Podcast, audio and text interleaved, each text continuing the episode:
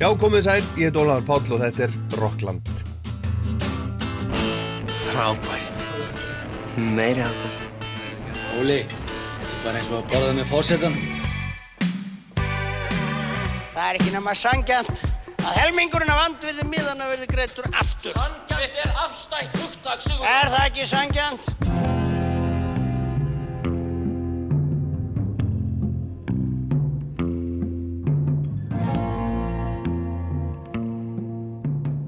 Í Rockland í dag minnumst við í setni hlutanum Sigurðar Árnasonar, tónlistamanns, bassarleikara úr tónum og náttúru til dæmis. Sig Árnar sem var líka upptökumadur og upptökustjóri, hann gerði til dæmis Ísbjarnar Blues með Bubba, fyrstu plötunars Bubba. Gerði Bubba kassavanan eins og hann segir sjálfur hérna á eftir. Bubbi segir að, að án Sigga hefði Ísbjarnar Bluesin aldrei orðið þessi plata sem að hún er sem að kom Bubba heldur betur á korti fyrir 40 árum síðan. En þeir Hreitt Valdimarsson, hljóðumadur hérna hjá Rúf áratugum saman og Pétur Stefánsson, tónlistamæður og myndlistamæður þeir segja okkur frá Sigga. Þeir voru, voru kunningjar hans en fyrst og fremst bara aðdáendur frá því að þeir voru litli strákar. En í fyrirlutanum ætlum við til að byrja með að hlusta á bondlög síðustu tveggja áratuga og byrjum á því nýjasta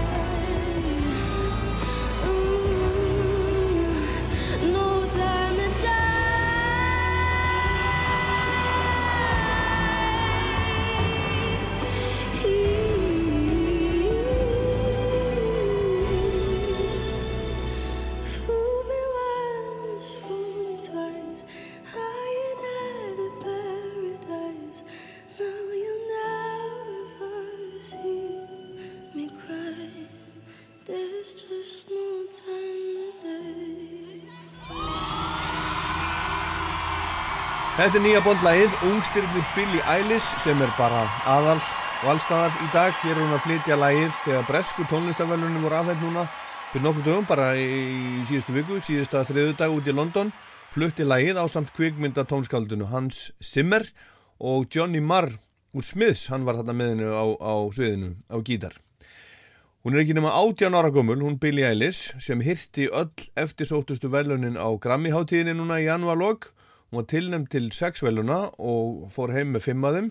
Það er að meðal þau færð sem þykja feitust og fínust fyrir plötu ásins, lag ásins, þannig að laga smíð ásins og smá skífu ásins og hún var valið nýlið ásins.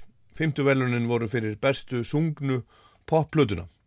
Og svo fekk hún líka bresku tónlistavelunin núna í vikunni, var valin besta alþjóðlega tónlistarkonan og svo sem afhendinni velunin og kynntana inn var Sporty Spice Mel C en þær sem voru tilnæmdar á móti Billie Eilish í þessu flokki voru Ariana Grande, Camila Cabello, Lana Del Rey og Lizzo. Við skulum heyra þess frá Brit Awards. And the winner is Billie Eilish!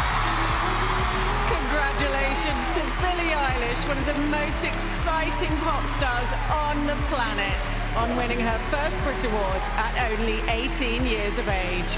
Last April, Billie released her debut studio album, When We All Fall Asleep, Where Do We Go? She made UK history as the youngest female artist to score a number one record.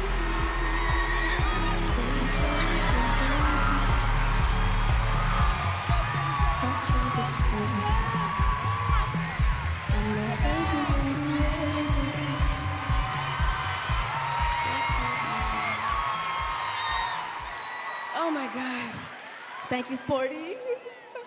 um, jeez. Before I say anything, um, Lizzo, Ariana, Camilla, Lana, you're the only reason I exist, so thank you for you guys. You deserve this. Um, jeez. Um, Lizzo, I mean, I'm met London. Um, London has always felt like a second home to me. I just stuttered and said your name. Oh my God. Um, um, thank you to Polydor and to Darkroom Interscope, to my team, my brother, um, my family. Um, I also want to just say something that I was thinking like two seconds ago, which was um, I've, I've felt very hated recently. And when I was on the stage and I saw you guys all smiling at me,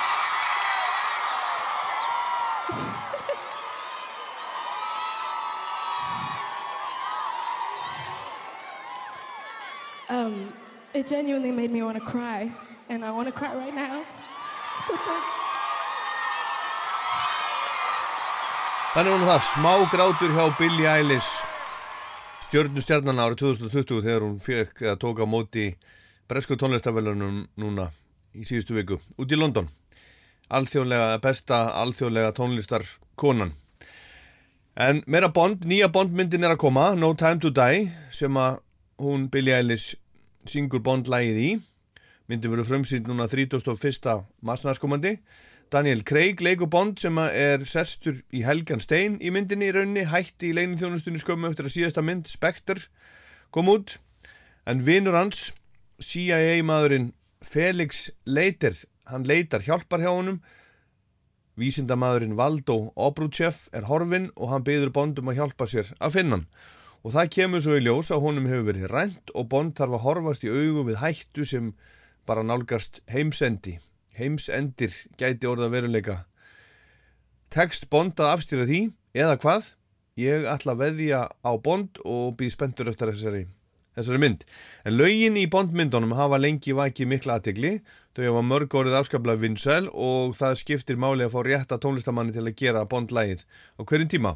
Og núna er það sérstaklega Billie Eilish Ég ætla að spila nokkur síðustu bondlög hérna í Rocklandi í dag og byrja á því að stökka 20 ára aftur í tíman til ásins 1999 en þá sá David Arnold um músíkina í bondmynd í annarsinn kvikmynda tónlistina uh, bara alla og, og Bond-lægin þar á meðal. Og hann samdi lag fyrir myndina sem hann ætlaði að nota í endan, lag sem Scott Walker söng, en það var svo ekki notað. En Bond-lægin 1999 fyrir The World Is Not Enough sömdu David Arnold og Don Black, en Don Black hann kom að smíðum Bond-laga eins og Thunderball, Diamonds Are Forever, The Man with the Golden Gun og Tomorrow Never Dies. Lægið The World Is Not Enough var mikið spilað í útarpum allan heim þegar það kom út og svo ennú raunin með mikið af þessum bondlögum þau veikja yfirleitt aðtikli þegar það kom út samanbyr Billie Eilish lægið núna. Og hljómsveitin Garbage var valin til að flytja lægið en það einn vinsalasta hljómsveit heims á þeim tíma. Erum þetta.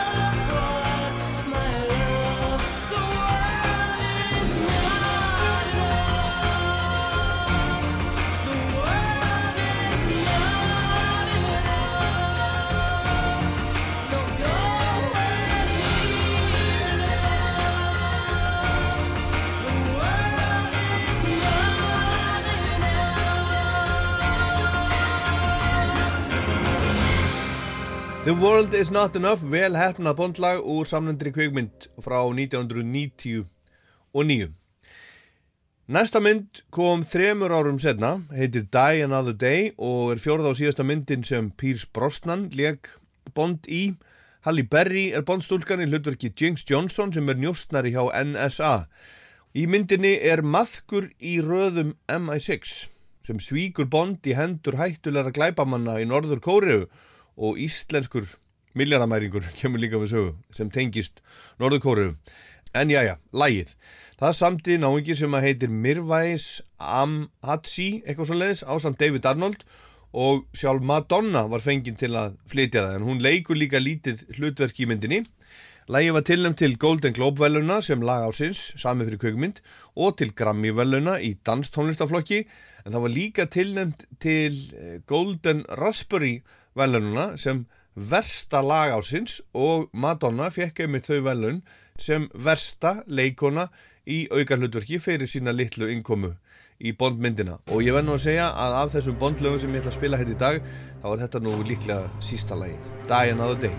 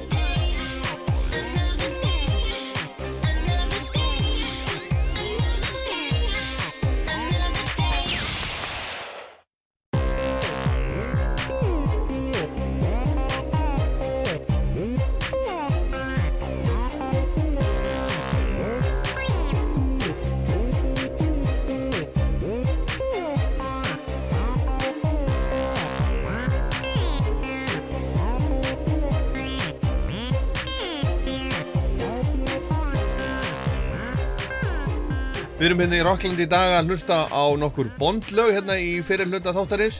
Og þetta var bond árið 2002 Die Another Day, Madonna. Svo er það næsta mynd, Casino Royale, hún kom 2006 21. bondmyndin og svo fyrsta þar sem Daniel Craig leikur Bond. Og það má segja að hún marki svolítið nýtt uppaf hjá Bond, það er komin nýr Bond og svolítið öðruvísin áður, hann er óreindari, mannlegri og berskjaldaður einhvern veginn en sá Bond sem við þekkjum frá fyrir tíð sem er einhvern veginn þannig að það, það býtur ekkert á hann. Myndi fekk frábæra viðtökur og meiri bíóaðsókn en nokkur Bondmynd hafði fengið í sögunni. Og Bondlagið í Casino Royale var sungið af Chris Cornell, söngvara hljómsveitarnar Soundgarden og þeir sömduðu saman, hann og David Arnold, sem sá um og samti tónlistina í myndina.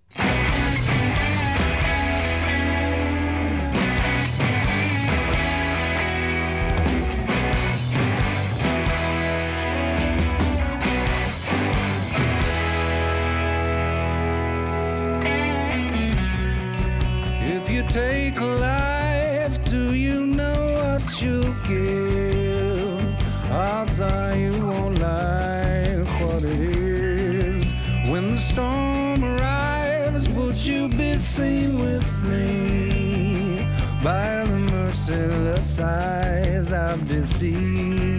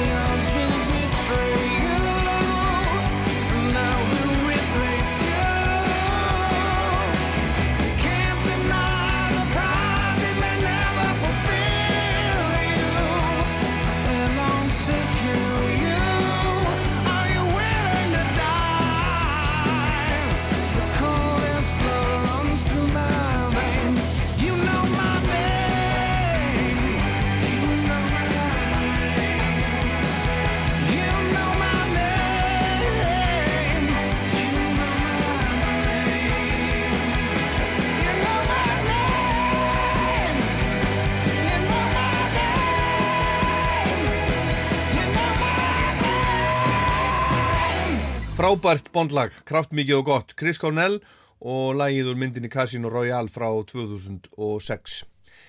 Næsta mynd, næsta Bondmynd er Quantum of Solace sem kom tveimur ánum setna, 2008 og í myndinni leitast Bond við að hefna uh, áskonu sinnar Vesper Lind sem var myrt slóðin liggur til viðskipta jöfusins Dominic Green sem vinnur á því að steipa af stóli stjórninni í Bólivíu í þeim tilgangi að komast yfir vassbyrðir landsins. David Arnold sá músíkina í myndinni eins og í fjórum myndum á undan en Jack White samdi Bond-lægið Another Way to Die og fekk Alicia Keys til þess að syngja það og spila með sér. Þau höfðu ætlaði svolítið tíma að gera eitthvað saman og þarna var tækifæri komið. Lægið var tekið upp í Nashville. Jack White spilar á gítar og trommur í læginu og Alicia Keys spilar á piano og hornaflokkurinn Memphis Horns hann spilar í þessu lægi og þetta er fyrsta bondlagsögunar þar sem sungin er duett lægi slói gegn og hlaut alls konar verðlun og viðkenningar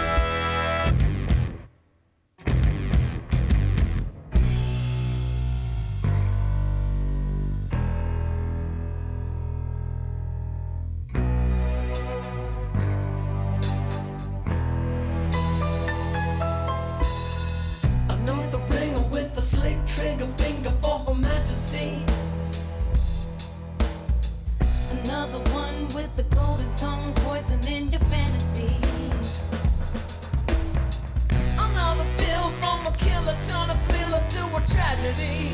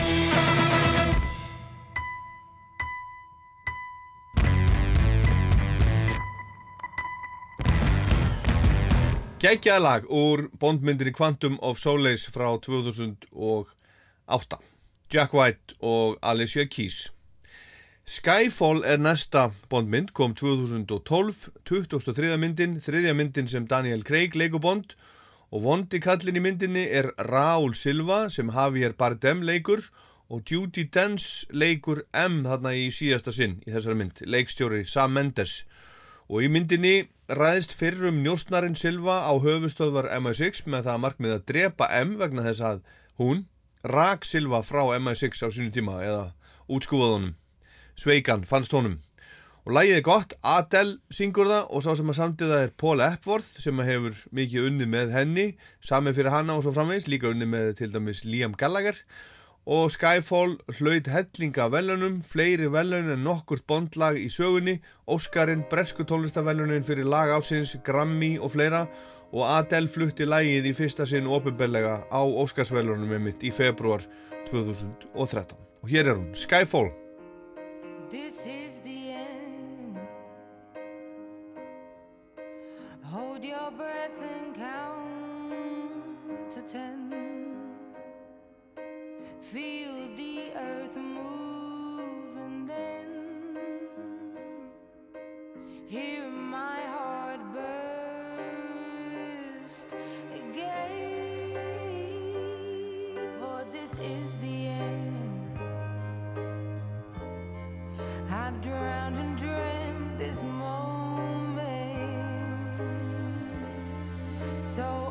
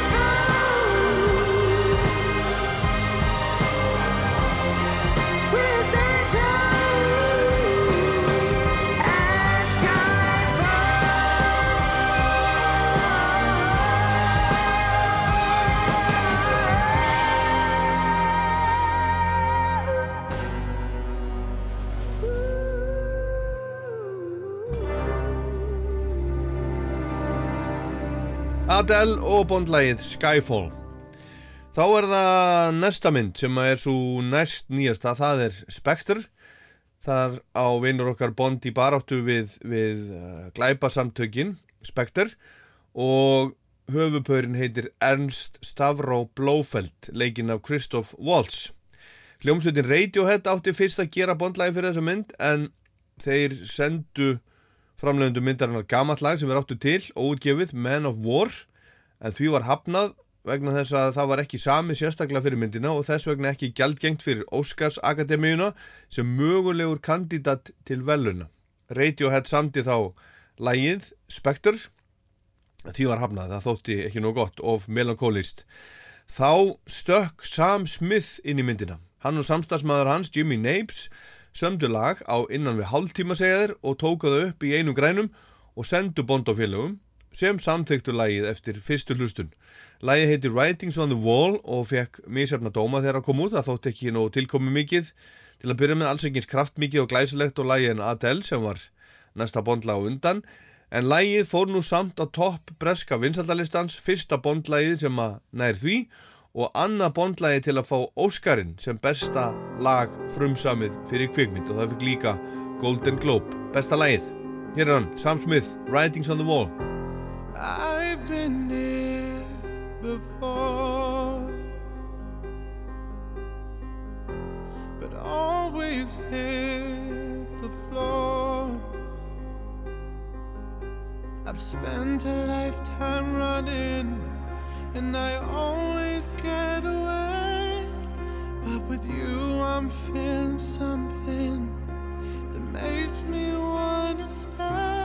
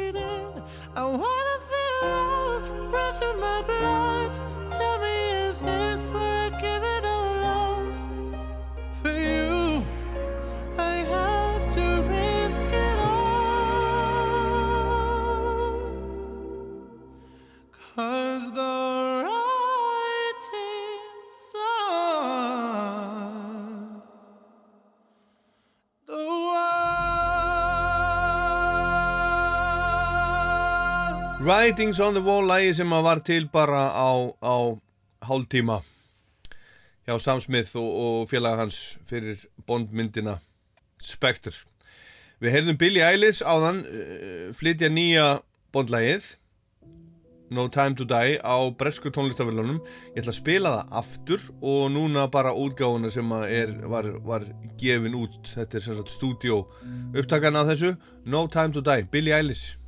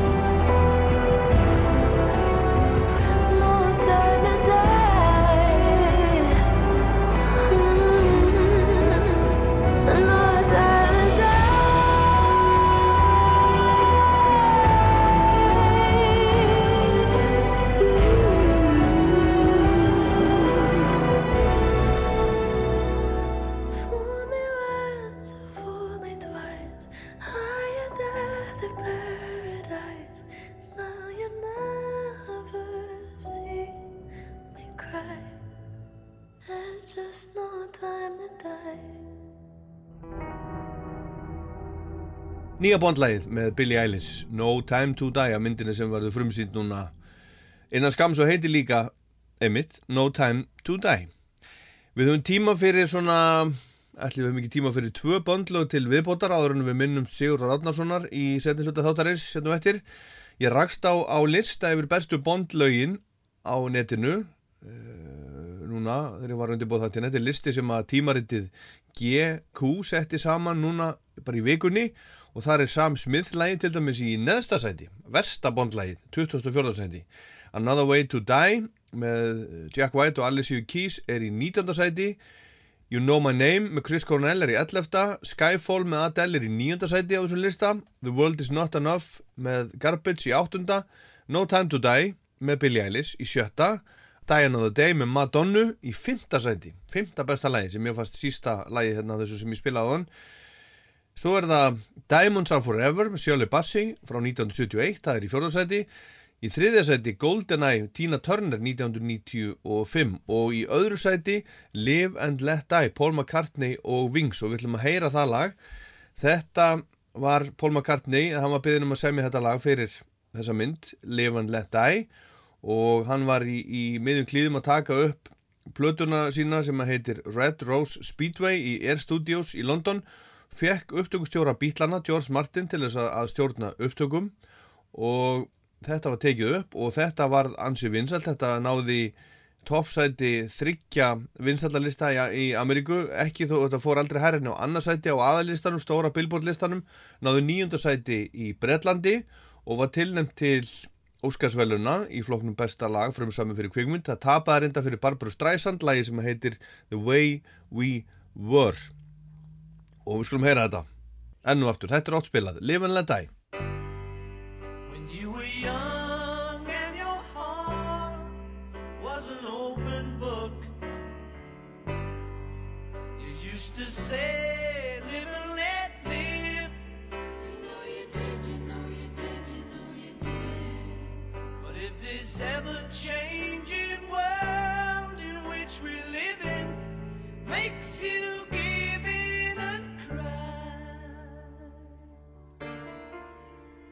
say live and let die.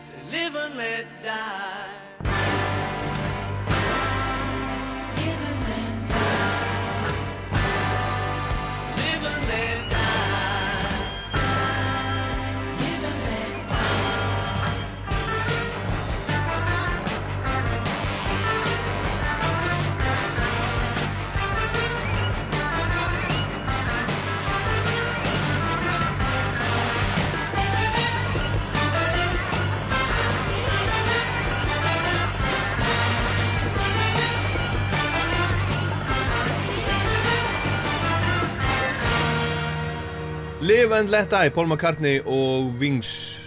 Næst besta bondlæði samkvæmt þessum nýja lista hjá tímaritinu GQ og lægi sem er þar á toppnum það er úr þriðju bondmyndinni sem kom út 1960 og fjögur. Goldfinger, Shirley Bassey syngur þetta lag. Það er eina lag Shirley Bassey sem að náði inn á topp 40 þessum tíma í Ameríku. Það náði, náði 8. sæti á Billboard listanum og fór í annarsæti á, á undirlista sem heitir Adult Contemporary og í Bretlandi þá náði þetta hæst í 20. og fyrsta sæti á vinsaldalistanum. En þetta er, samkvæmt þessum lista hjá GQ, besta bondlægið Goldfinger Shirley Bassey 1964. Goldfinger, the man, the man with the Midas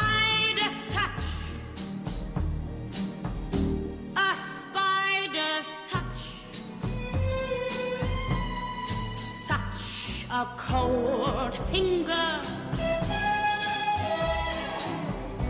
beckons you to enter his web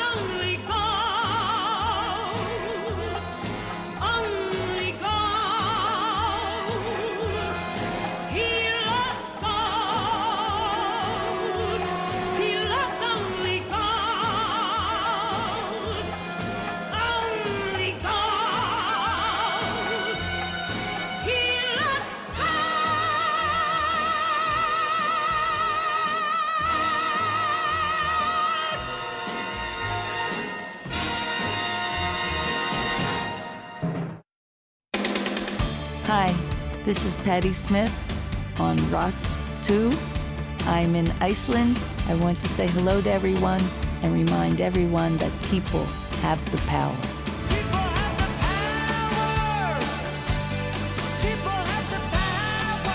Já, þetta er Rockland á Rástöðu og ég heiti Ólafur Páll Gunnarsson. Sigurður Árnason, tónlistamæður og kerfisfræðingur, hann lést núna 15. februar á 73. aldursári eða Siggi Átna eins og hann var alltaf kallaður. Hann ólst upp í lauganeskverfinu í Reykjavík og var farin að spila í hljómsveitum áður en hann lauk gagfræðaprófi. Fyrsta skólahljómsveitin var Strengir, síðan leika hann með tónum þar til hann stofnaði hljómsveitina Sálina árið 1968. Hún lifði ekki lengi og árið síðar var Sigurður meðal stopnenda Náttúru á samt Jónasi R. Jónssoni söngvara, Rafni Haraldsinni trommuleikara og Björgvinni Gíslasinni gítarleikara. Siggi var kjölfestan í sveitinni á samt Björgvinni en meðal þeirra sem að komu og fóru í Náttúru voru Ditti Fiðla, Pétur Kristjáns, Jóhann G. Jóhansson, Shady Owens og Kalli Sigvats. Eftir að hafa spilað með náttúru snýru Sigurður sér meira að upptökustjórn meðal annars hjá SG hljómplötum og í hljóðrita. Hann var upptökustjóri á fyrstu plötu Bubba Mortens, Íspennablús, útsetjari og þar yfir og allt um kring og spilaði á bassa á plötunni. Setna lærði Siggi svo kerfisfræði og starfaði sem slíkur hjá Blindrafélaginu, hérna hjá RÚF og síðast Jarfræðidelt Háskóla Íslands. Tveir kunningjar Sigga sita hérna hjá mér. Þeir Hritt Valdimarsson, hljóðmaður hjá RÚF, áratugum saman og aðdáandi náttúru og Sigga og það er hann líka hann Pétur Stefánsson, tónlistamæður og myndlistamæður. Velkomnir. Já, Takk fyrir. yfir Óli minn. Og takk fyrir, og takk fyrir að koma. Það var nú lítið. Hérna, ég veit ekki hvað er um að byrja öðru við sem bara, hérna, hvað, segið mér frá, frá Sigga. Ég sko, uh, ég veit nú yfirslutum, sko, ég hef kynnt mér ákveð, ákveð, ég fættur 53, Siggi á fættur 47 cirka. Uh, þannig að það er 6 ára milli, þannig að, að, að þegar ég er 10 ára, það er hann orðin 16, orðin gaur, sko. En, en áhugið minn á íslensku tónlist hefur leitt mitt í það að, að, að, að skilja betur hvaða tónlist maður var alin upp með, hvaða var mitt barnarokk. Og, og það er sannlega sko, þessi ljómsveit sem Sigurður var í tónar var um, að því ég held uh, ég held ég far, far ekki minn einar fleipur besta hljómsveit á Íslandi. Það er eitt annað. Á þeim tíma eða bara almennt? Uh, á, á, þeim, á þeim tíma og, og er prototýpa af bítli Já. eins og það þróaðist. Aha. en sko, gallið mér kannski sögun eins og hún er skrifuð og, við, og, og fólk þekkir hana í dag er það að hún er skrifuð af fólki sem var ekki á svæðinu. Já, já, eins og alltaf. Já, þannig að, en, við, en við sem munum uh, til dæmis í tónum það eru nokkra útgáfur af tónum. Og það verður að skilgreina tó, tónana uh, ekki eins og venjulegt band. Uh, tónar voru í raun og veru svona þekkingarklasi eins eins og er í fyrirtækjum í dag. Já. þar sem að menn eru ráðinir menna þess að þeir hafa yfirgriðsmikla þekkingu á málefnum fyrirtækisins. Mhm. og, og, og, og tónar gengdu því hlutverki að vera uppeldi stöð fyrir alla þá bestu Já. í raun og, og í raun og veru ergo tónar e- út úr tónum með að þeir voru enda tónar þá gerist það svona fræðilega að, að þeir verða fyrsta superband Íslandsögunar sko, við verðum aðtúa það að þetta er fyrir tíma FIH þeir lærðu af hvorum öðrum og lögðu sitt að mörgum til sveitarinnar og þarna völdust bara afbyrða menn við getum talið sko í, í ef við tökum gítarista uh, þarna er Hannes Jón Hannesson sem setna var í Brimkló. Mhm. þarna er uh, tónskáldið. Hann, hann, Finnur Torfi. Finnur Já, Stjánsson já, já. þarna er Guðni saxofónleikari sem fer síðan í Rooftops. Þarna er Kalli Sigvats við vitum hvert hann fór. Mhm.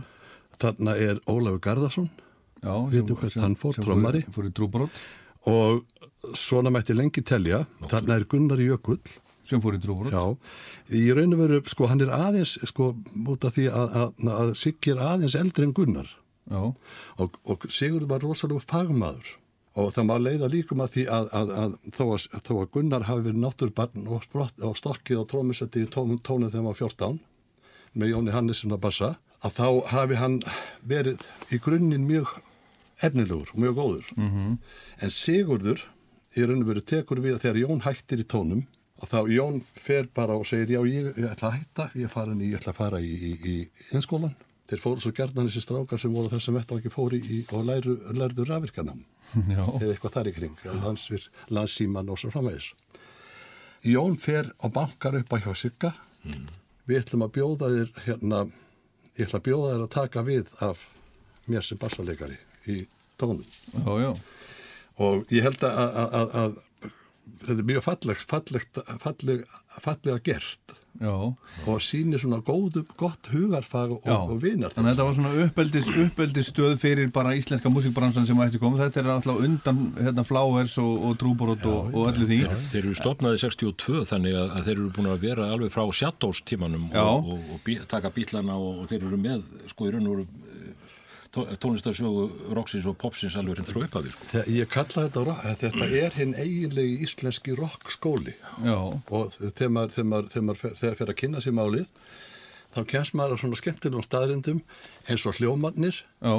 þegar þeir komu fyrst fram ofinberlega þá komu þeir fram í pásu hjá tónum Já, það er þannig. í Reykjavík En sko, þú veist, það sem að við þekkjum af þessu, þessu íslenska bítli er í rauninni bara hljómar. Já, það er út af Svavari Gess. Það voru fleiri hljómsveitir, það var eins og bara upp á Akranesi var náttúrulega Dumbo og Steini og, og, og þeir voru líka svona Shadows hljómsveit í, í grunninn eins og tónar, gömul hljómsveit, búin að vera bara síðan, eh, ég mann nú ekki ártalið, bara einhvern tíma rétt, rétt um, um 60. En, en einhvern veginn, eins og þú segir, það er, það, það er fólk sem var ekki á svæðinu sem að skrifa tónlistasöguna eftir á Já, og, og ég hef, hef aldrei heyrt í þessari hljómsveit, þessum tónum, fyrir að, leiði mér að heyra lag sem að við ætlum að heyra hérna á, á eftir. En, hérna, en af hverju, hverju tóku þeir ekkert upp? Okkur gáðu þeir ekkert út? Það, ég, ég, sko, ég skal, ég skal, það, það maður færa ákveðin rauk fyrir því sem eru, sem eru, eru í einfallega þau að það vill það einhverlega til að þetta band sem að þeir tóku upp þetta, það er ekki til með Sigga og Gunnar Jökli. Nei. eða Kalla Sigvarts og, og, og þeim en það sem, að, það sem að gerist í raun og veru í, í ní- 1965 þá fara þeir að sapna undirskriftum til höfus útvarpinu og mótmæla því að útvarpið ég er á réttu stað til að segja Já, já, og mótmæla því að útvarpið síni ekki þessi, þessari ný, nýju spr, útsprungnu tónlistastefnu beat, rock stá virðingu og taki það sveitinnar upp. Þannig að þeir eru orðnir mótmælendur. Og á þessum árum var bara litið á mótmælendur sem bara andsnúna og anstæðinga kerfisins þannig að þeir fengu upp- í raun og veru útvarpið upp á móti sér. Já, Það eru aðrar félagslegar ástæður sem að eru liggja dálítið, semst, ég- sem að liggja líka til grundvallar. Það sem gerist á, á stundum á tónaböllum á þessum árum, þess að þeir spiluðu mikið hér og þar, var það að það brutist oft út slagsmál.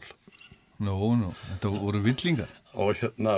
Ekki þeir kannski, en Nei. þeir sem voru á böllunum. Já, þú, þú mátt þetta þessu líka reynd. Já, já, já. skiljið, það- það- maður hljóð bara út því að þetta var, þetta var ekki partur af, af, af hérna, því sem maður var að, að fara, fara inn og hlusta á. Nei.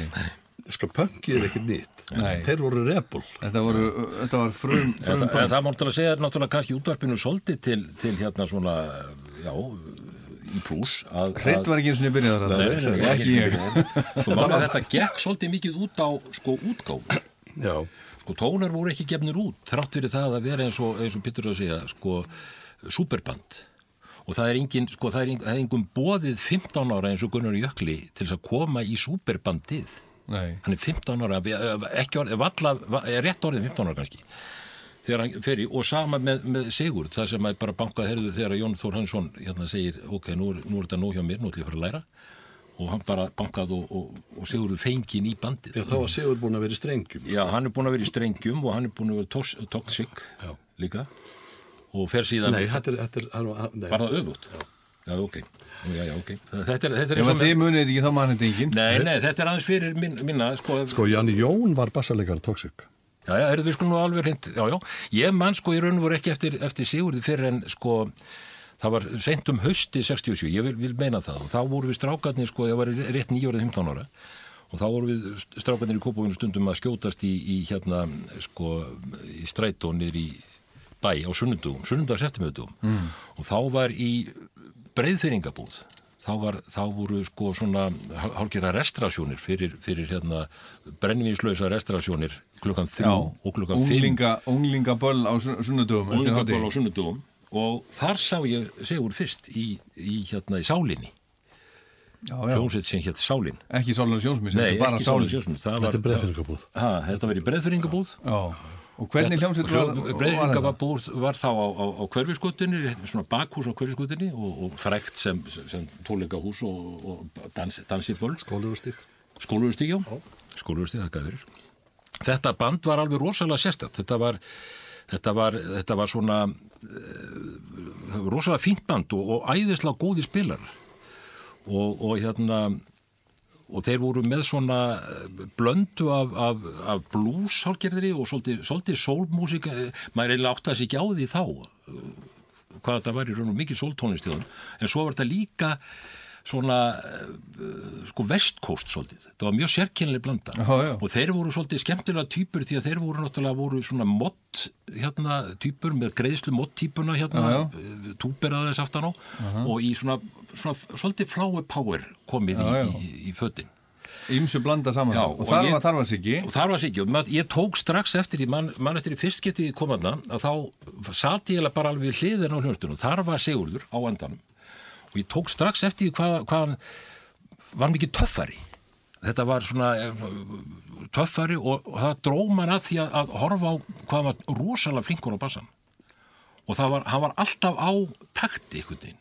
Já. það var ekki eins og sumir sem drógu eitthvað svona eitthvað eftir, hann var alltaf á takti. Já, góður bassarleikari Já, mjög góður bassarleikari og, og hérna, mér fannst þetta að vera sko, þeir voru teknískir góðir hljóðfærarleikari en sönguru var svona að með minni svolítið svona eh, öðru seti sem maður segir, en þetta voru fínu hljóðfærleikar.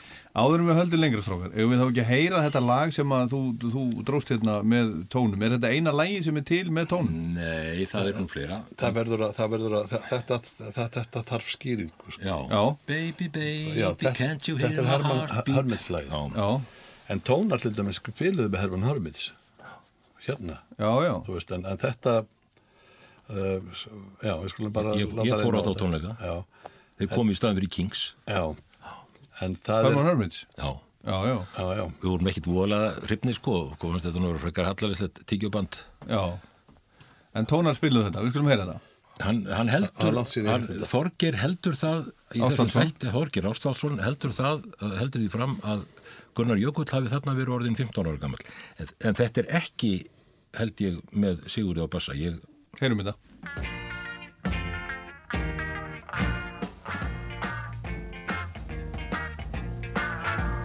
time I see you look looking my way, baby, baby, can't you my? In the park,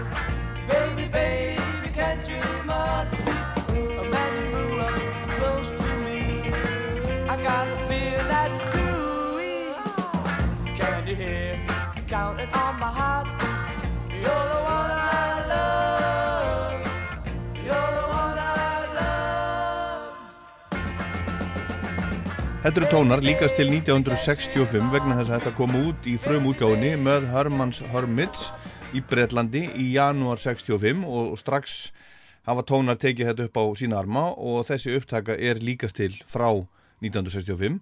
Þetta var ótrúlega vinsall lag, fór til dæmis í annarsæti bandaríska vinsallalistans og Hermans Hermits var þetta bresk hljómsett. Lagið Stop in the Name of Love með Supremes held þessu frá toppnum í, í Ameríku á sínum tíma. En þeir Hreinn og Pétur eru ekki alveg með á reynu hvort Siggi Átna og Gunnar Jökull spila í þessari upptöku.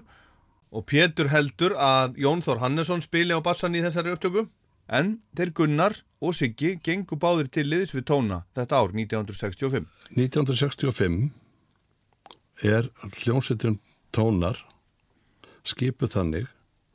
Það er Gunnar Jökull Sigurður Rafnarsson Sigþór Skaftarsson og Þórhallur Sigmundsson Já, og það eru þessir, það eru þessir. og það er, það er Akranes tengingin við tóna Býtur nú við? Hann var uppeldisónur eða afans var Sig- Sigmundur hérna síslumadur Já.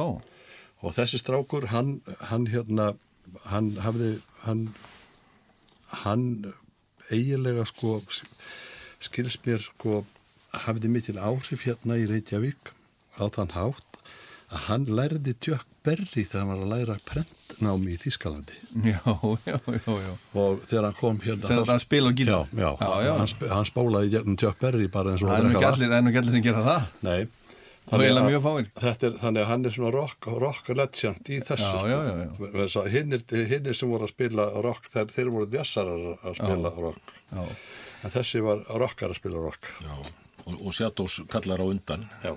Já, já, þeir eru svona shadows eins og Dumbo og Steini og eins og Hljómar og eins og Neil Young og eins og já, allir, svo já. breytast þeir með hérna, hérna bítlánum þá verða allir, allir, allir bílar út um allan heim.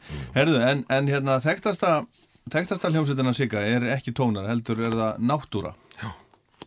Náttúra var stofnuð 69 og eftir mikla hræringar í, í íslensku poplifi og, og, og, og alls konar eh, supergrúpu eh, hérna sko stofnanir.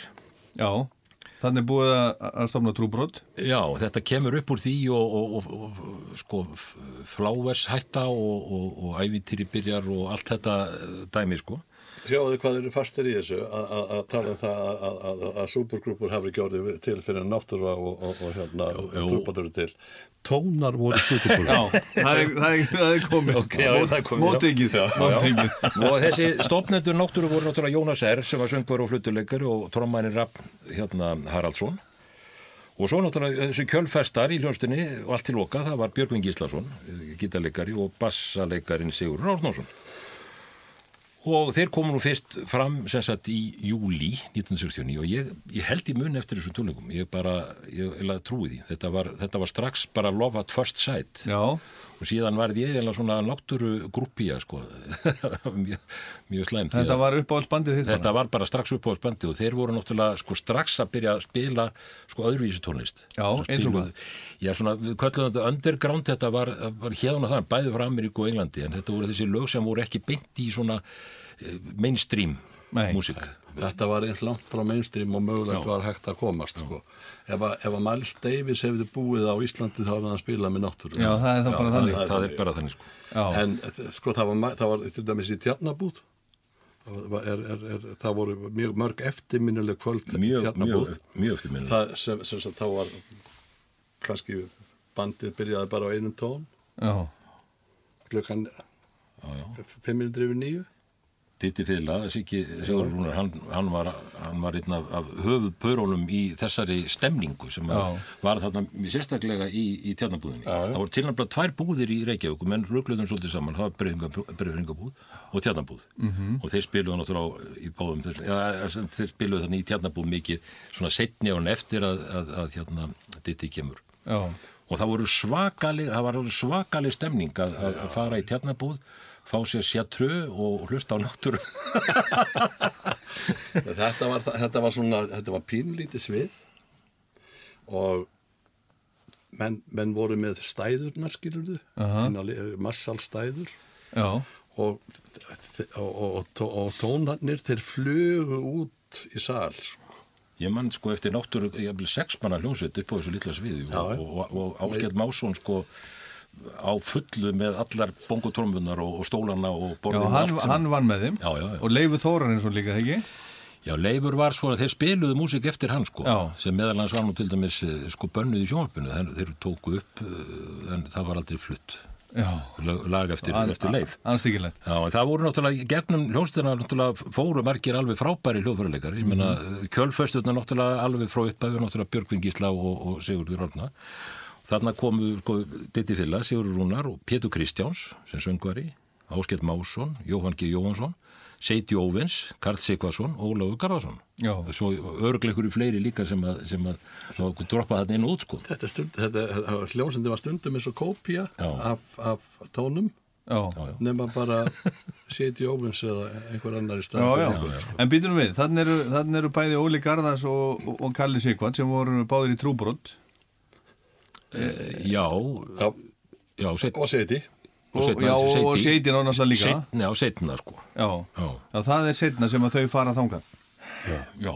Þetta er, á, þetta er, á, er í rauninni á, á undan þeir, þeir byrja, sko, þeir eru, náttúru er hvað, starfar í fjögur ár og, og hættir 1973 eftir, eftir að hafa verið í, í Iðnó í Jesus Christ Superstar.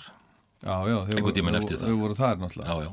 Já, já. Gerðu það svakalega flott og þeir voru þarna, eh, hverjir sömdu Jesus Christ Superstar var ekki? Andrew Webber Já, og Tim Rice, voru, ekki? ég man eftir að þeir voru ofbáslega hrifnir af, af náttúru sem undir, hljómsveit í, Herðu, en ef við ekki að heyra eitthvað í, í þessar hljómsveit Náttúrulega gáði eina plötu, Magic Key Já uh, Við erum með tvö lög, við ætlum að heyra, heyra uh, lægi sem að, að uh, Siggi samdi Já, núna. það var Confusion Confusion, Já, Confusion. eina lagi á þeirri blödu sem er eftir Sigga Já, sem er eftir Sigga sko, en, en hann býr eh, hann er nú eitthvað kemur eitthvað nálat textagerð svona eh, hér og þar en Já, já. Þetta er einn lagi held ég sem að er eftir hann Confusion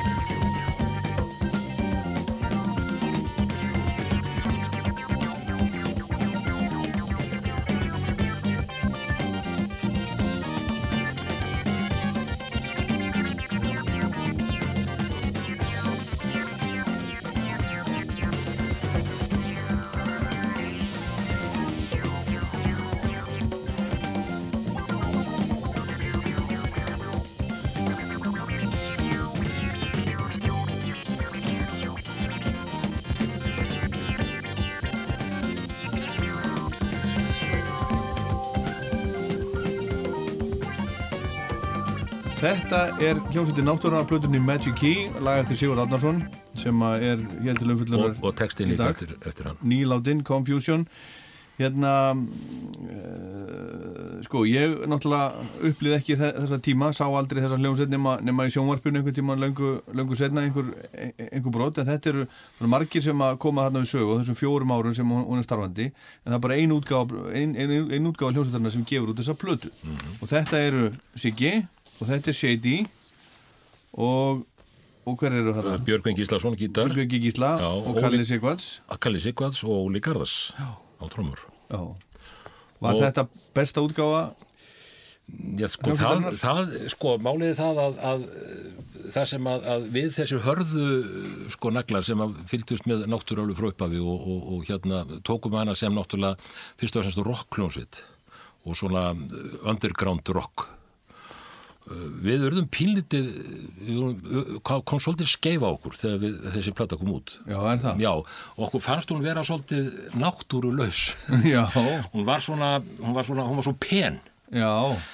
maður fattaði það ekki kannski fyrir aðeins setna að, að það var að hluta til vegna þess að, að masteringin eða, eða sent, loka hljómurinn og loka mixið í, í, á plötunni var var gallað í raun og veru það vantaði mikið af, af, af bassa sko svona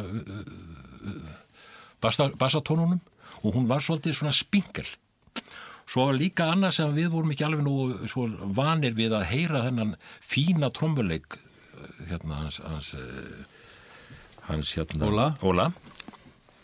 Hann var náttúrulega í raun og voru sko í grunni djassari og var að, að, að leika sér að, að sko 5-8 og, og, og 7-9 og alls konar svona takt eh, tö- töktum sem í raun og voru við kannski vorum ekki alveg var ekki mikið rock. ekki mikið rock sko Nei. En, en auðvitað náttúrulega tóku hana í sátt og, og hún, var, hún var náttúrulega spiluð alveg hindi gegn þessi, þessi platta þegar við áttum okkur á í raun og í snildin á bakvið þetta. Það var bara þannig að þetta var pínlut öðruvísi og það var líka náttúrulega annað það að, að, að hann Kalli náttúrulega fekk þarna múk mm -hmm. synthesizer, hvort hann fekk hann bara það út í Englandi e, og, og spilaði heil mikið á hann og við vorum ekkert vanir því að náttúrulega var að spila á einhvern múk Nei. fyrir utan það að hljóðfóran var stólið að þeim, ég veit að gítarinn Björkvins var bara kvarf og, og þetta var stúdíóð var ekki gott og það var skrítin andi og allt þetta Hver var þetta tekið upp? Óran stúdíó, ég bara hvort það var í Danmörku eða í Englandi ég Er, er svo- ekki England? Já, þetta var tekið upp. Ára stúdíu London, oktober 72 Já, já. En, en þetta er, er helviti flott músík og ég tala ekki um þegar maður er búin að fara aðeins höndum um það og, og gefa ég, þessi tvölög sem, að, sem að þú ert að heyra í dag þau eru, það er búið að laga það Já, þetta gefa, er, ekki, þetta er ekki af vínilplötunni, þetta var aldrei komið út á disk, heldur er þetta af masternum sjálfum sem að þú er búin Já, að, búin að er, handleika aðeins. já er, þetta er í raun og veru sko master sem að er, þetta er svona safety kópía eða, eða svona master sem að afrit af aðalmastöðum. En tölum aðeins meira um, um, um Sigga, sko, uh, hann, var, hann var þarna í þessar hljómsveit, góð, góðu bassalegari. Hversu góður var hann og hvernig var svona hans, hans, hans stíl? og topp maður hann var mjög hann var humoristi og hérna hafði ákveðin svona tegund af, af, af svona gl- glettni og, og, og, og humor sem að hérna stundin aldrei grár Já. og hérna en, en, en hann var mjög mikil fagmaður hann gerði allt alveg rosalega vel en, og, og vildi sko og vildi hafa hlutinu rétta Já. og hérna sem sagt hann var skapandi sko, hann, hann, hann hefði aldrei geta verið í einhverju svona ty- tyggjóböndum sko. Nei, hann hafði skoðanir Já. og við unnum svolítið saman hérna Rúf, hann var, vann hérna lengi, lengi á vestæðinu já, já. og hann var svona, hann var ekki alveg, hann var ekki allra, hann var ekki, uh, hann gæti verið svolítið uh, svona hotnóttur. Það var svo pínlítið stutturinn og þráðurinn við þá sem, hann, sko, þá sem voru að, að setja hann hotnin. en, en það, ég, ég spjallaði oft við hann og það var, það, það bara aldrei á því við, Nei, nei. við, Ég segja sama, bara ég man aldrei eftir bljúgur sko. En, en ég veit að hann, hann honum leiði ekkit vel, hann fekk ekki í raun og úr að, að gera það sem hann, var, hann hafði lært sko. Já, hér. Já, hér. Þannig að hann, hann hérna var í raun úr sko, hann var á vestæðinu en, en hefði þurft að fara í svona meira e, sko að, að vera meira í samböndu við, tölfur eða, eða þínlið sko. Já, já. Já. Maður fann það mjög fljótlega sko þegar maður fór að fylgjast með Sigurð að, að, að hann varð strax bassalegur nummer eitt á, land, í, á Íslandi. Hann var, hann varð sko svona, sko hann hafði allt til að bera. Hann var músikalskur, hann var takt, taktviss og hann var, hann var teknískur, hann var mjög gætt spila mjög hratt og, og hugmyndaríkur. Hann var ekki alltaf lappandi á e- e-strenglum eins og bassaleikara virðist nú bara gera í dag. Hann bara spilaði, hann var svolítið líkur hérna bassaleikurunum í Djóður og Törlendan og þegar spiluðu spilaði náttúrulega mikið á Djóður og Törlu og ég, segði mér, ég, ég var að hlusta á, á This Wasn't daginn Já, hún er ræðislega. ég, ég fekk eitthvað svona löðrandi flashback alveg frá, frá hérna Old Days Já, það var akkurat það að, að, hérna, að, að Glenn Cornick, og Törlu upphafi að ég held að Siggi hafi mikið stútirað hann og svona þessi, þessi gang, gangandi bassi og neða, hann varð alveg feiknalega og góður og með tímanum alveg hreint yfirbröðamaður sem Já, bassaleikari. en svo bara eftir þetta, eftir náttúru, þá, þá hættir hann svolítið að að spila. Ég, ég veit að hann Eða, var í- eða svona, hann er ekkit, hann er ekkit ínennum fleiri svona tektum hljómsveitum eftir, eftir að- þetta. Ég held að Sigur hafi einfallega sko, Sigur var mjög næmur á trend þeir sjáu bara þessa mynd hérna af, af tónunum sko Já. að að- hann var, að Sigur var alltaf flottur sko Aha. hann var alltaf up to date og ég sá, sá nýlega sko mynda frá, frá Sigeri ljósmyndara sem var tekin á tónleikum í, í, í, í, í Östubæðabjó að Sigur var, eins og kliftur út úr ennsku tískublaði 1960 og 67 Mhm. lang flottastur Já. Já. þetta þurfa menn líka að hafa en Siggi sko þú veist e, það er bara ekki nóg að vera góður maður verður líka að fá frið, fá frið til að vera til Mm. Og hérna ég svo Siggi hafi einfallega bara vilja breyta til skilur Já, vilja bara vera- að upptökum. Svavar Gess kifti sko stúdervél Mhm. sem hann hafði í, í, í, í hérna, stúdíónu sínu og þar fer sem sagt þar fer boltin að rúlla í Já, já, upptökum. akkurat, Hann- hann, hann tekur Já, já. upp heilmikið þar og það er að meðal íspendablúsnars bubba, ég ætlum þetta- að ringi hann hérna eftir. Ég held nefnilega líka það að hann, hann læri skal ég segja það að verða sko, hann læri það að verða skal ég segja kerfisfræðingur og ég held að hann hafi sko í raun og veru langa til þess að, að fara að vinna við það og þegar hann er að vinna hér á vestæðinu hjá okkur á, á, á ríkisúttarpinu þá, þá reynda hann að komast inn í raun og veru tölvutildina sem kerfisfræðingur og það gekk ekki, hann fekk ekki ráðningu við það. Og, og ég held að hann hafi bara hann langa til þess að, að söðla aðeins um og þetta hafi verið svona svolítið millikabli hjá Svári Gessi eða þessu stúdíói sem að Svári átti. Hann tók fe- feikna öll af plötum Já, bara, já. hann, Hann bjó stúdíói til, já, já, hann, hann smíðaði já. og hann er, að, hann er að taka upp alveg feiknarlega flottar plötur og, og, og, gerði það eins og, eins og þetta stúdíó gat gert á þeim tíma og, og ég er alveg viss um það að, að sko, ég man eftir honum tal, allt í einu döttur í hug, hugan á mér að hann var í hljómsveit 1977 til 79 sem hétt Reykjavík. Það var svolítið skrítið nafn en, en það bjöð bjö sér Tór og, og, og hérna eh, hérna Ejjólu Jónsson og fleiri Já, hann er búin að svo spilaði með Rúnari Þóri Já, Rúnari Þór, og hann, var í, hann var í böndum sko, þó, að, þó sko að, að hann hafi verið að vinna við, við kannski aðra hluti Já, eftir þetta. en hann var svona eftir náttúr, það var ekkert svona ekkert svona risa uh, band sem var ekkert svona, ekkert framhald í rauninni, Nei, nei. svona beint framhald á því. Nei, sko, þetta, þetta er Ísland er þannig, sko, maður á ekkert að þurfa að meika það tvísvar, skil. Ekkert mörgursunum. Nei. Nei. En mér langar aðeins til þess að, sko, vegna þess að, að í spjalli okkar, Sigurðar, svona, þessi ár sem hann var hérna í útarpinu, þá, þá sagða mér oft skemmtilega sögur af því þegar hann var til mér að, að með, sko, Gunnar Jökli uh, í Englandi, þegar Gunnar Jökull var í hljónstinni sín og, og hérna og, og Sigurður var svona var svona já, hjálpaðum, hann var, hann var svona rótari og, og svona hjál, hjálparamadur Mhm. og, en var náttúrulega með fyrst og fremst með vinni sínum Gunnar Jökli því að þeir voru miklir vinnir eftir því sem að, og hann sagði, þá voru þeir bara svona uh, bara uh, sami peningurinn, bara tvær hliða sami pening, sem maður segir Fóru fyrst til London bara 15 ára gamlir. Já. Bass og tróma snerill bara. Já, já, og, og hérna Sigurður náttúrulega þessi flotti bassalegari, hann náttúrulega hefði geta fengið að, að gera eitthvað en, en, en, en, en sagan segir að, að til dæmis Chris Quare sem, að, sem að náttúrulega var einn ein aðalspörutan í Yes setna að, að hann var bassalegari í sinn og hann var gert á það til þess að Sigurður fengi ekki að, að reyna sig að, að læsa bassan sinn niður í sko á, á, á, á, hérna, tónleikaferðum. Þannig að, að, að Siggi gæti ekki farið í bassan og, og sínt þeim hvað hann var djúfið góður. Og þá var hann bara læstur niður. Og þetta, þetta sagði hann mér sko. Og, og þetta hafi verið mjög sérkynli tímar hérna því að, að Chris var alltaf reynd svona á nálum með það að Siggi var að reyna að stela jobbinu af sér Já, já. í sinn og setna náttúrulega kemur að þannig eftir að Gunnar Jökull flyttu til Íslands og náttúrulega Sigurður kom til, til hérna í Nóttur og, og, og allt það. Að þá, þá hérna þá er ringt stanslust hann, hann sagði að þeir eru ringt allavega þrísasunum í Gunnar Jökull sin menn þegar, þeir eru að, að, að, að stopna Yes. Þeir vildu fá Gunnar Jökull sem trommuleikar í Yes og þar var náttúrulega Chris Quare í Já, já. hlutverki á bassanum og allt það. bara þannig. Það var bara þannig og hann segir að hann hafi vitað allan með þrjú sín og Gunnar sagði alltaf nei.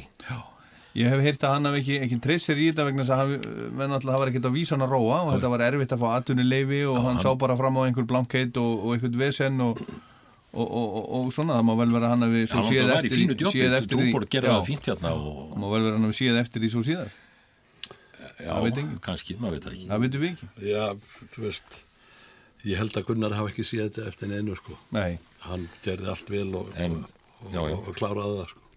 Herðu strákar, ég uh, ætla bara að þakka ykkur fyrir komuna í Rockland að tala um Sigur Átnarsson og, og við möttum að heyra hérna setna lægið með náttúru sem að heitir Could It Be Found Could It Be Found, það er fyrsta lagið á, á Matsiki plötunni. Já.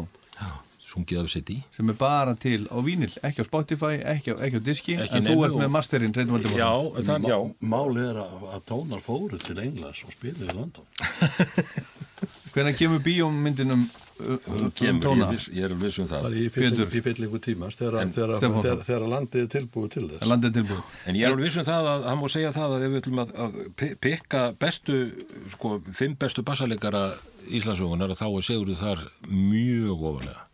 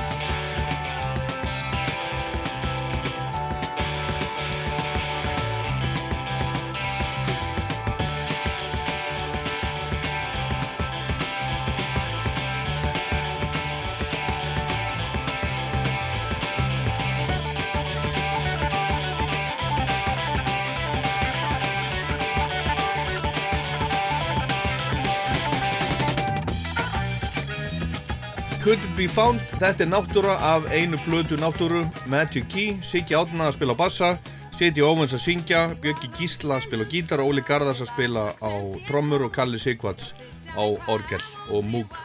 Og svo er þetta hérna.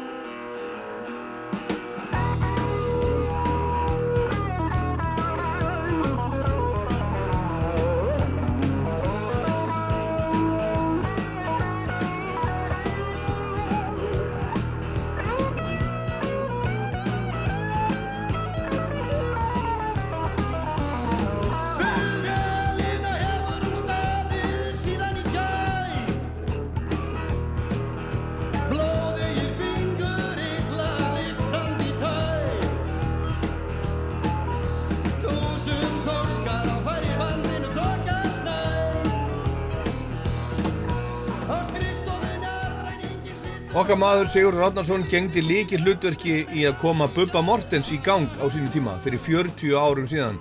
Hann stjórnaði upptökum á Ísbjarnar Blues, fyrstu plötu Bubba, tók hana upp og hann spilar á bassa, hérna til dæmis, og Siggi tók á móti Bubba og kend honum að vinna í stúdiói. Eða hvað Bubbi?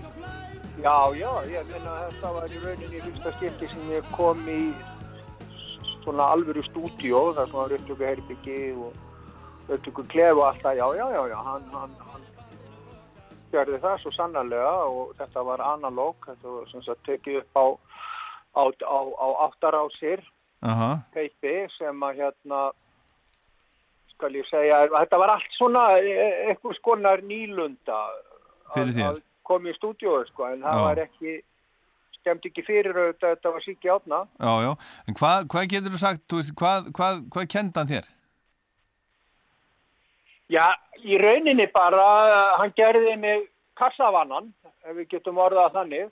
Já, og, og, og, og þar að leiðandi auðvitað gerði ég mig grein fyrir hvað væri að gerast í stúdíu og hvernig vinnan færi fram og allt það, en kannski það sem hann kendi mér þegar við upp í staðið og þá kendi hann mér uh, það að, að, að, að, að einhvers konar kærleikur og, og, og, og, væntumþykja og, glöggskikni á hæfileika að hann, hann náði öllu því besta sem hann gæti náð úr mér á þeim tíma.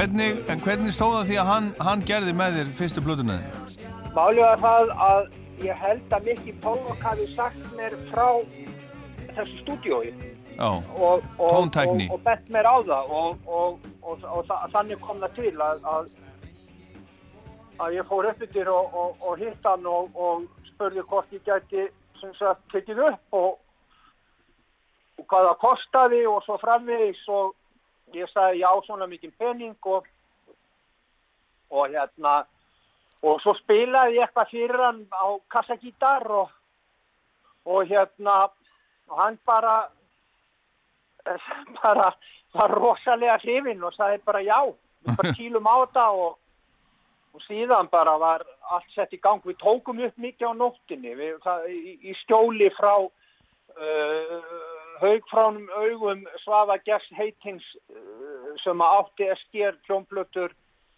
og, og við vorum að taka upp líka á nóttinu vegna þess að það var verksmiðja í húsinu og það var ekkur prent vél sem fór í gang uh, á ekkurum tímum sem gat trublað og, og hérna og síðan líka vegna þess að þá var bara friður, algjör friður frá allt og öllum akkurat. þannig að, að, að hann sko ég held hann hafi skráð 65-70 klukkutíma kannski á þessa plötu en, en, en við vorum alveg svo langt yfir 200 klukkutíma sko.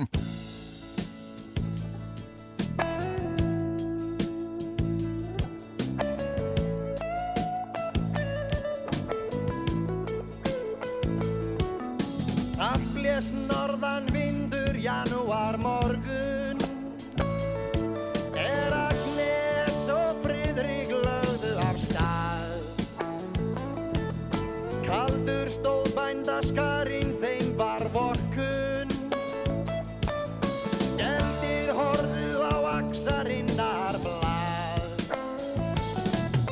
Natans bróðir fyllur bisku En, en hvert var svona hans input á plötuna eða hva, hvar má Hann var auðvitað allt í öllu, hann auðvitað var fröyt reyndur tónlistamaður, hann var frábær bassaleikari, hann var reyndur upptökumaður. Og hann þar að leiðandi varðan sko eitthvað skonar uh, pappi yfir okkur, hann í rauninni útsetti plötuna án þess að vera settur beðin um það, hann, hann eh, kom með alls konar hugmyndir og allar hugmyndir sem við komum með, ég man hann, ég man að ég söng, ég söng ekkur lögin á klósetti og hann fannst það bara, já, frábær hugmynd og hann ítti undir allt svona Já, já. og, og hægt og rólega sko þegar maður skoðar þetta svo í, og horfi tilbaka að, að þá í rauninni var hann að spinna einhvers konar veð utanum þetta allt og, og ég man til dæmis að einu sinni þá hérna er ég að taka upp uh, einhver akústiklög á, á kassagítarinn hans Mikka, það var Martin gítar og, og ég tók upp hérna stál og hníf og, en svo sagði ég við Sigga sko, nei, við skulum, þetta lag fer ekki á plötuna, við bara gemum þetta. Já, En hann hins vegar tekur mig afsýðist eitthvað tíman og segir, þetta lag verður að fara. já. Talaði mig inn á að, að stál og hnífur yrða að vera sem sagt á plötunni og sannarlega veðjaði hann rétt því að þetta lag er auðvitað búið að vera á prógraminu hjá mér í 40 Já, já, ár. þjó, þjóðsöngur íslenska verkefliðsins. Það liggur við. Þegar ég vaknaði um morgunin er þú komst inn til mín Hörund þitt eins og silki, andlitið eins og bústulín Við bryggjuna bátur vaggar hljóft í nótt. Mun ég deyja, mig dreymdi dauðin, sagði kondu fljótt, það er svo margt sem ég ætla þér að segja. og síðan bara það voru svo margi, það, voru svo, það var svo margt. Það var auðvitað það- var eitthvað skona góðsögn í mínum, mínum augum sko, ég menna maðurinn sem var með bestu hljómsveit landsins náttúru mér fannst það, það var svona aða hljómsveitin í mínum augum að eirum og síðan þetta að, að, að við skoðum bara ákveðna hluti sem hann gerði á plötunni, það, það bæði bassalínur og, og, og, og síðan þetta að vera með áttarása græju sko og gera þetta samt. Mm sem er líka sko alveg líginni líka sko. Þannig að, að Siggi hann í rauninni gaf mér einhvers konar gaf mér einhvers konar hérna start sem að, sem að er ekkit víst að aðrir hefði geta gefið skiluru og, og, og gerði það þannig að, að ég er enn af.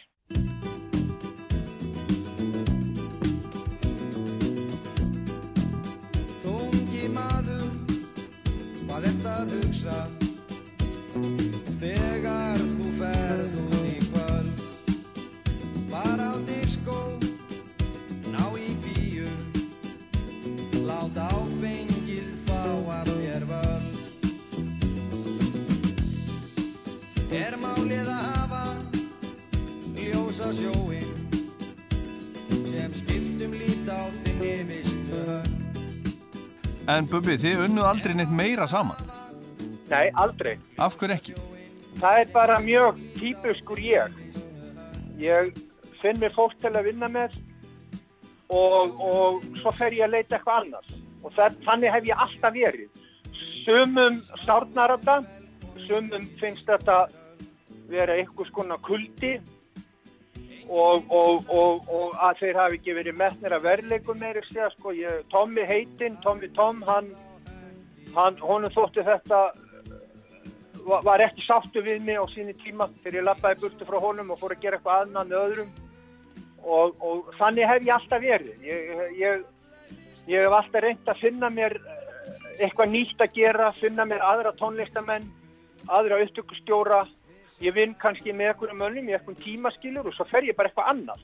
Vegna þess að sko óttin minn er alltaf þessi sko þegar þeir eru farin að líða vel þegar þetta er eitthvað að fara að gerast eitthvað að fara að ganga þá eh, hræðist ég sko að þú sopnar þú bara sopnar af verðinum.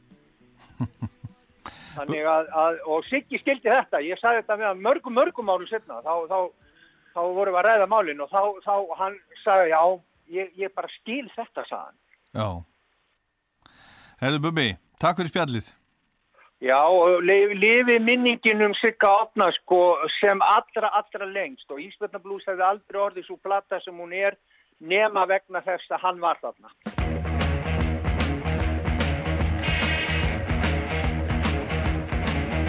Svartir, sögðir, glatað fjö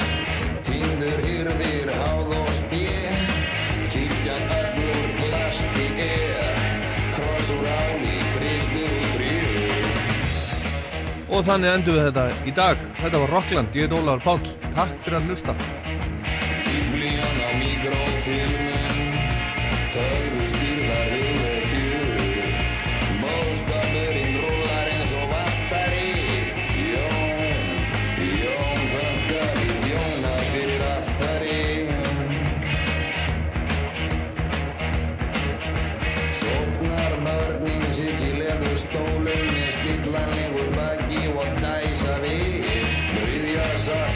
Sátt